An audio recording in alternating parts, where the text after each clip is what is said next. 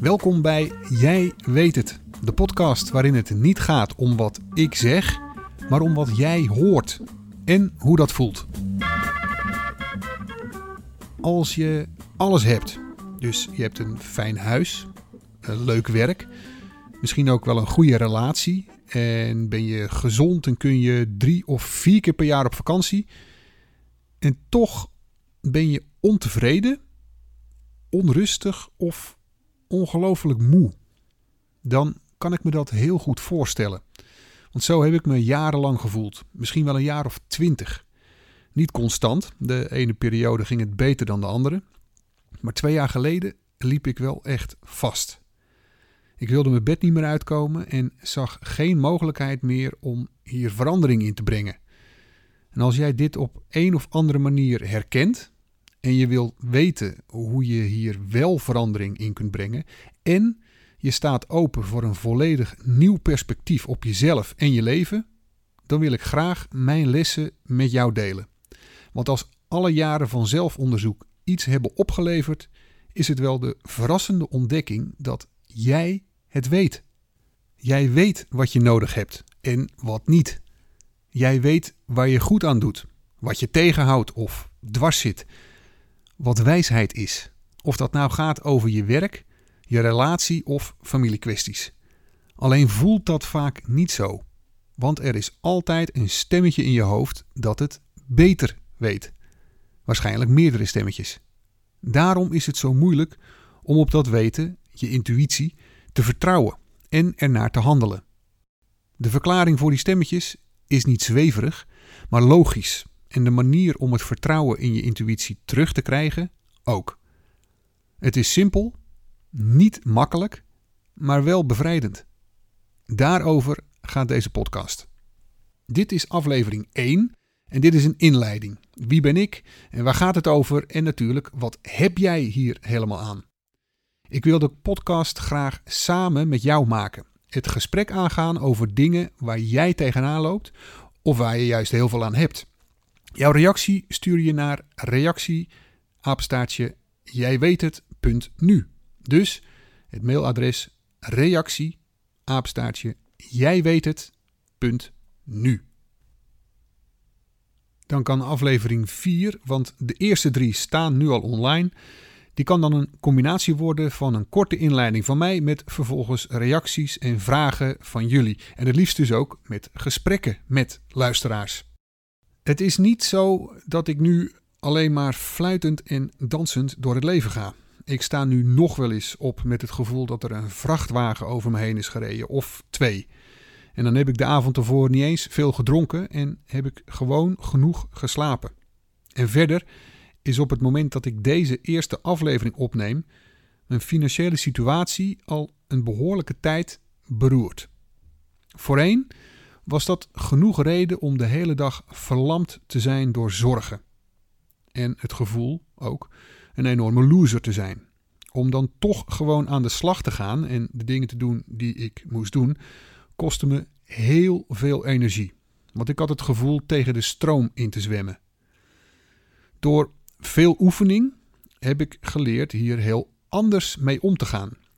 Het klinkt misschien idioot, of als iemand die zijn kop lekker in het zand steekt. Maar ik neem tegenwoordig even de tijd om dat zware, zorgelijke gevoel toe te laten. Het gewoon te voelen. Door bijvoorbeeld rustiger en dieper te ademen dan normaal.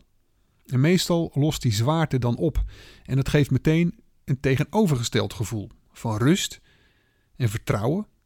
En dan weet ik weer dat het gevoel een enorme loser te zijn gewoon het gevolg was van een vastgeroeste overtuiging. Ik ga jou nergens van overtuigen. Dat is namelijk compleet zinloos. Maar als je ervoor open staat, wil ik je wel in de richting wijzen van de mogelijkheid om te ervaren en te ontdekken dat jij in jezelf een feilloze intuïtie hebt. Een wijsheid, een vingerspitsengevoel, een essentie. Het maakt me niet uit hoe je het noemt. Ik hou het even op intuïtie. En die intuïtie wijst je de weg naar meer tevredenheid en rust in je hoofd en je lijf, waardoor je weer energie voelt in plaats van die slopende vermoeidheid. Tussen mij en mijn intuïtie zat van alles en nog wat in de weg. Lagen, muren, schillen en allemaal waren ze opgebouwd uit overtuigingen en die waren bewust en onbewust. Bij geloven denken we vaak aan religies. Het christelijk geloof, het islamitische, het joodse. En we kijken vaak met verbazing naar de uitingen ervan. Maar we zijn allemaal gelovig en nog heel fanatiek ook. We geloven de ideeën over onszelf. En daardoor zijn we die ideeën. Zo waren die overtuigingen mijn geloof. Over wie ik was, aan welke verwachtingen ik moest voldoen, wat ik wel en niet kon en wat er aan mij mankeerde. Ga zo maar door en noem maar op. En al die overtuigingen bepaalden mijn gedrag.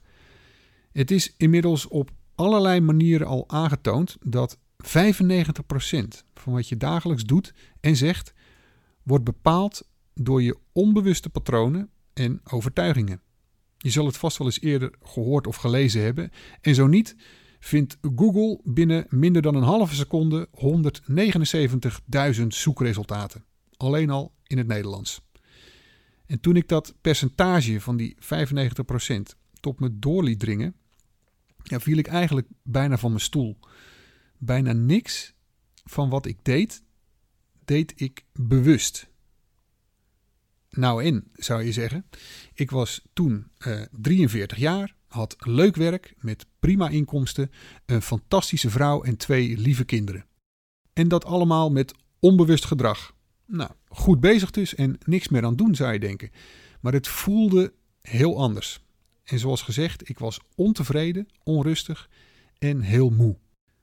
De kern van mijn verhaal is dat ik door het onderzoeken van die overtuigingen, bewust en onbewust dus, de geweldige kracht van mijn intuïtie weer heb teruggevonden. En ontspanning, diepe ontspanning, speelt daarbij een grote rol. En daarover vertel ik later meer.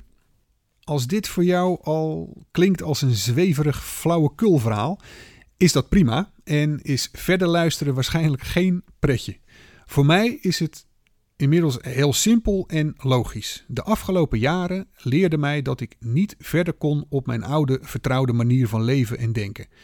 En om die manier vervolgens af te leren, heeft wat mij betreft heel weinig met zweverigheid te maken, maar meer met tegen de stroom in stug volhouden. Met heel veel, heel veel moed en pijnlijke eerlijkheid. En dat hou ik vol omdat het enorm veel oplevert. Ik voel me inmiddels zoveel beter dan twee jaar terug en weet zeker dat het alleen maar beter wordt. Daarnaast heb ik nu ook het vertrouwen om het allerengste te doen wat ik ooit heb gedaan: deze podcast maken, waarin ik mijn ervaringen deel om weer een nieuw perspectief te bieden aan iedereen die daar behoefte aan heeft. En als jij die behoefte niet hebt, is dat natuurlijk ook helemaal oké. En wens ik je verder een fijne dag. Ik begin straks met drie belangrijke lessen uit mijn ervaringen en de eerste onmisbare stap om ook maar een millimeter verder te komen. Maar nu eerst een disclaimer met wat afspraken. Gewoon een paar basisafspraken, spelregels zou je het ook kunnen noemen, om misverstanden te voorkomen. Afspraak 1. Jij hebt altijd gelijk.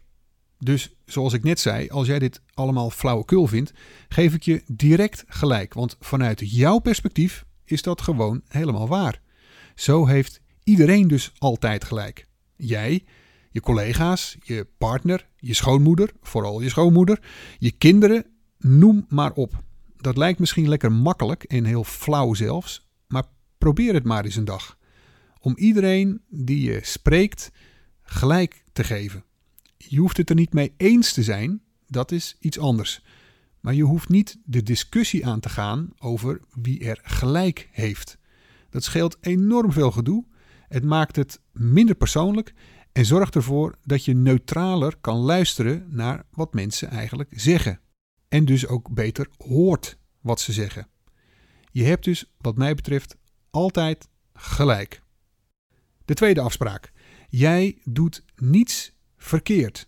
Als we ons niet goed voelen, geven we vaak anderen de schuld, maar nog vaker onszelf. Ik heb niet genoeg mijn best gedaan, niet goed gereageerd, ik gaf te snel toe, uh, ik sport niet genoeg en zo kun je nog wel een paar duizend voorbeelden bedenken. Maar hou je vast, Ik ga ervan uit dat jij precies het juiste doet om te leren wat je te leren hebt. Zo heb ik zelf bijvoorbeeld jarenlang gehandeld in de volle overtuiging en compleet onbewust dat ik het niet goed of niet goed genoeg kon doen.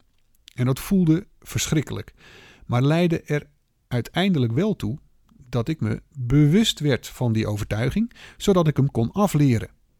Zo hebben al die momenten dat ik zeker wist dat ik weer iets fout deed, of die in ieder geval zo voelde, mij precies naar dit punt geleid. Om iets te doen wat ik op dit moment het allerliefste doe. En dat voelt dus angstaanjagend, maar dat betekent alleen maar dat ik er heel veel van zal leren. De derde en laatste afspraak is: dit is geen quick fix. Helaas. Snelle, makkelijke oplossingen klinken natuurlijk een stuk aantrekkelijker, maar verandering vergt gewoon een lange adem. En eerlijkheid en geduld en heel veel kleine stappen vooruit, die vaak ook nog eens voelen alsof je achteruit gaat. Als je hiervoor open staat en bereid bent om eerlijk naar jezelf te kijken, is succes vroeg of laat gegarandeerd. En dat succes zal groter zijn dan je je nu voor kunt stellen. Daarom gaan we, wat mij betreft, meteen verder met de drie belangrijke lessen, die voor mij in ieder geval belangrijk zijn, die ik eh, door mijn zelfonderzoek heb geleerd en die ik dagelijks met veel plezier gebruik. Dat wil zeggen, ik merk nog elke dag dat ze voor mij waar zijn en alleen maar waarder worden, als, als dat een goed woord is. Waarder. Het betekent trouwens niet dat ik fluitend door het leven stap. Ik heb nog meer dan genoeg om me druk over te maken. Een financiële sores bijvoorbeeld. Of gewoon balen van mezelf wanneer ik wil dat het niet snel genoeg gaat. Maar door de lessen ga ik daar anders mee om dan voorheen. Dat is een heel groot verschil. Door een compleet gewijzigd perspectief hebben tegenslagen gewoon minder impact. Of hebben ze vooral minder lang impact. Tegenslagen zal ik mijn hele leven tegen blijven komen, die voorkom ik niet. Dus is het zaak om ermee om te leren gaan. De drie lessen zal ik even opsommen en dan gaan we er vervolgens op in. Uh, les 1. Het antwoord vind je met je gevoel en niet met je verstand. Les 2. Het antwoord ligt in jezelf, niet buiten jezelf. En les 3. Er mankeert niets aan jou of aan jouw leven. Om met die laatste merkwaardige misschien wel te beginnen. Er mankeert helemaal niets aan jou of aan jouw leven. Dat klinkt misschien volkomen idioot, maar het is tegelijk de ingang voor een groot inzicht. We voelen ons niet goed en denken bijna automatisch dat we dus iets verkeerd doen of dat er iets in ons leven moet veranderen. Dan pas is het weer goed, denken we.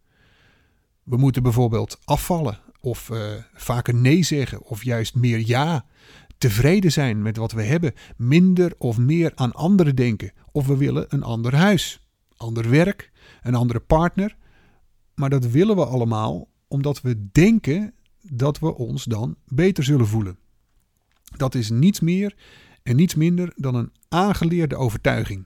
Wel een ongelooflijk hardnekkige, want een vanzelfsprekende en heel vaak onbewuste overtuiging. Maar toch echt niks meer dan dat. Hij is zo hardnekkig en onbewust omdat we er als het ware in leven, zoals een vis in de zee.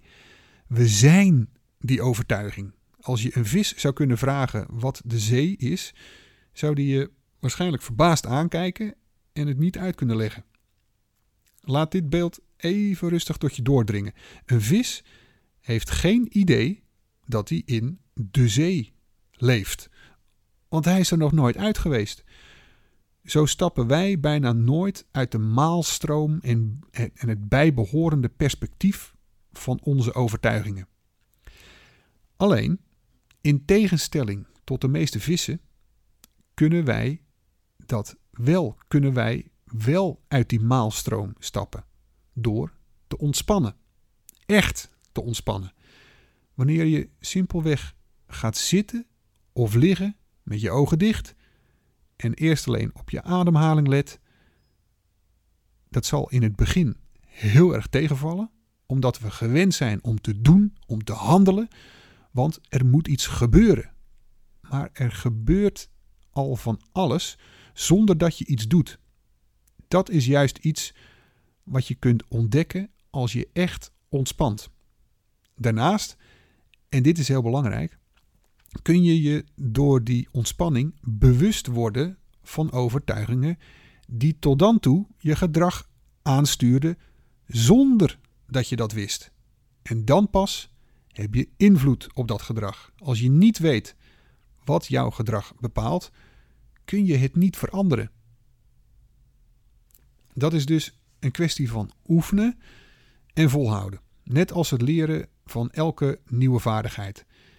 Ik hecht zelf niet zozeer aan eh, specifieke technieken of methodes. Zodra ik hoor dat iets namelijk volgens strikte regels moet, eh, haak ik al snel af. Wat mij betreft is de intentie waarmee je iets doet veel belangrijker. En als iets voor jou werkt, is dat wat voor jou werkt. Is dat, dat maakt het al goed. Hoe meer je open staat voor nieuwe inzichten of ervaringen zonder oordeel en verwachtingen, hoe eerder je een manier zult vinden die bij jou past. En zo kun je ervaren dat je dus uit die maalstroom van overtuigingen kunt stappen en dat je ze kunt zien voor wat ze zijn. Een stroom aan gedachten die pas invloed op je hebben als je ze serieus neemt. Nou, dit is even een korte inleiding over dat ontspannen. En uh, uh, dat er niets aan jou en aan jouw leven uh, mankeert. In de volgende aflevering ga ik hier wat uitgebreider op in. Aflevering 2. Ontspanning brengt ons vervolgens ook bij de eerste les die ik noemde. Het antwoord vind je niet via je verstand, maar via je gevoel. Oftewel je intuïtie. Albert Einstein, die zei al eens heel terecht: een probleem los je niet op met de methode die het probleem heeft veroorzaakt. Dus nog een keertje, een probleem los je niet op met de methode die het heeft veroorzaakt. En daarmee bedoel ik inderdaad dat overwaardering van ons verstand tot heel veel ellende kan leiden. En dat is best logisch dat we dat doen, want de afgelopen drie, vier eeuwen was de ratio, het verstand, het centrum van het universum. Het is natuurlijk een prachtig en onmisbaar gereedschap, ons verstand, vooral om te overleven in het verkeer en andere potentieel gevaarlijke situaties. Maar als je echte vervulling zoekt in je leven, zal het je vooral beperken. Want het werkt alleen op basis van de ervaringen en kennis die je tot dan toe hebt opgedaan. En het zal vooral risico's scannen, kijken naar je overlevingskansen. Alles wat nieuw is en onbekend is voor het verstand potentieel gevaarlijk. Daarom heb ik het maken van deze podcast ook bijna een jaar voor me uitgeschoven. Ik ben als de dood dat het niet goed of niet goed genoeg is en ik een strontkar over me heen krijg aan kritiek. En dat is ook een manier van doodgaan, want dat betekent namelijk het einde van de Johan die ik tot uh, nu toe was, of misschien wel wilde zijn.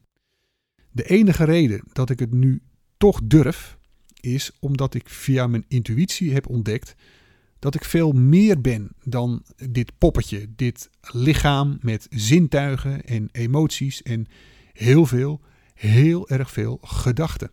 Angstige gedachten vooral. Wat ik dan precies wel ben, is in feite niet te benoemen. En zeker met het verstand niet te begrijpen. Hier wil ik ook graag een andere keer graag op terugkomen. Maar wat ik dus nog meer ben, is in ieder geval niet bang voor een strontkar aan kritiek.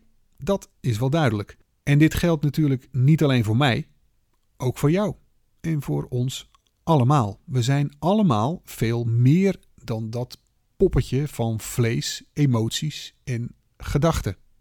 De derde les. Het antwoord vind je in jezelf, niet buiten jezelf. Dat is ook een hele nijdige. Stel dat je tegen mij zegt dat je dit verhaal helemaal niks vindt. Dan zou ik me heel beledigd kunnen voelen en vervolgens kunnen reageren met: Je bent gewoon te dom om dit te begrijpen. En als je meer van dit soort voorbeelden wil, kun je op Twitter kijken of uh, familiesituaties zijn hier ook uh, ideaal voor. Iemand doet of zegt dus iets en dat veroorzaakt bij jou een heftige emotie. We hebben geleerd om dan de actie van die ander als oorzaak te zien. Maar dat klopt niet, want zo maak je jezelf per definitie afhankelijk van wat anderen van jou vinden. Jouw emotie is nooit de schuld van iemand of iets buiten jezelf. Zelfs niet als je opzettelijk wordt beledigd. Die emotie wordt opgeroepen door, daar heb je hem weer, een overtuiging die jij hebt over wat er gebeurt. Dus, iemand vindt mijn podcast helemaal niks. En dat voelt voor mij slecht. Omdat die podcast heel belangrijk voor mij is. En ik mezelf mislukt voel als die wordt afgekeurd. Maar die afkeuring, dat voelt niet goed. Dat wil ik dus niet voelen. Dus ik geef de boodschapper de schuld. Opgelost. Ben ik weer van mijn uh, slechte gevoel af. Maar als dat mijn manier is om hiermee om te gaan, zal ik dus heel veel mensen tegenkomen die ik dom vind als ze iets zeggen dat mij niet bevalt. Dan kom ik geen stap verder. Ik heb er veel meer aan om om te leren gaan met die emotionele reactie. Door te herkennen dat die ontstaat door mijn eigen onzekerheid. En te leren dat mijn podcast heel belangrijk voor me kan zijn. Maar als iemand dat niks vindt, betekent dat niet dat ik een sukkel ben. Het komt neer op verantwoordelijkheid nemen voor jouw emoties en ze echt te voelen. In plaats van ze te projecteren op andere mensen. Hoe dat voelen in zijn werk gaat, kom ik een andere keer weer op terug. Maar dat het om te beginnen essentieel is om bewust te worden van die onzekerheid, dat is duidelijk. En voor alle zekerheid, ik moet hier wel een uitzondering bij maken. Want dat antwoord in jezelf vinden gaat nooit op voor situaties waar sprake is van mishandeling, in welke vorm dan ook. Dus als, dat, eh, als daar sprake van is, kun je dus wel zeggen: Oh ja, dat ligt niet aan de ander, maar aan de manier waarop, ermee omga, waarom, waarop ik ermee omga. Nee, in zo'n situatie is het gewoon zaak om eerst een veilige plek voor jezelf te vinden en van daaruit verder te kijken. Dus bij deze de uitzondering die de regel bevestigt. Als de ideeën die ik nou, tot nu toe zo'n beetje heb uh, verteld nieuw zijn voor je, zal je verstand zich hier in eerste instantie enorm tegen verzetten. En dat is ook prima, geen probleem. Nieuwe ideeën zijn namelijk voor je verstand net zo gevaarlijk als wilde dieren. Levensgevaarlijk dus. En dat bedenk ik niet zelf, dat blijkt uit wetenschappelijk hersenonderzoek, mocht dat het betrouwbaarder maken. Als je bijvoorbeeld hoort dat Napoleon in werkelijkheid niet zo klein was als iedereen denkt, zul je dat niet echt een gevaarlijk of een beangstigend idee vinden. Maar het idee dat je levensproblemen beter via je intuïtie dan met je verstand oplost, dat kan dan weer klinken als een agressieve gorilla die je kop eraf wil trekken. Daarom gaat het ook niet om wat ik zeg, maar om wat jij hoort en hoe dat voelt. Maar stel nou dat dit verhaal je op een of andere manier wel aanspreekt, dan praat ik hier heel graag met jou over verder. Dat kan anoniem als je dat wil. En met die reacties en gesprekken maak ik dan weer nieuwe podcastafleveringen. Je reactie kan naar het mailadres reactie jij weet het nu. Dus reactie apenstaartje jij weet het punt nu. Volgende keer ga ik heel uitgebreid in op ontspannen. Wat mij betreft de onvermijdelijke eerste stap naar verandering. Probeer het alvast een paar keer uit. Meteen als je wakker wordt bijvoorbeeld. Even een paar minuten rustiger en dieper in- en uitademen dan je normaal doet. En herhaal dit elk moment van de dag dat je er de gelegenheid voor kunt nemen. Dan zul je merken wat het oplevert. Zul je het verschil al snel kunnen waarnemen. Heel erg bedankt voor het luisteren. En Abba laat nog even horen hoe het voelt om uiteindelijk volledig te vertrouwen op je feilloze intuïtie.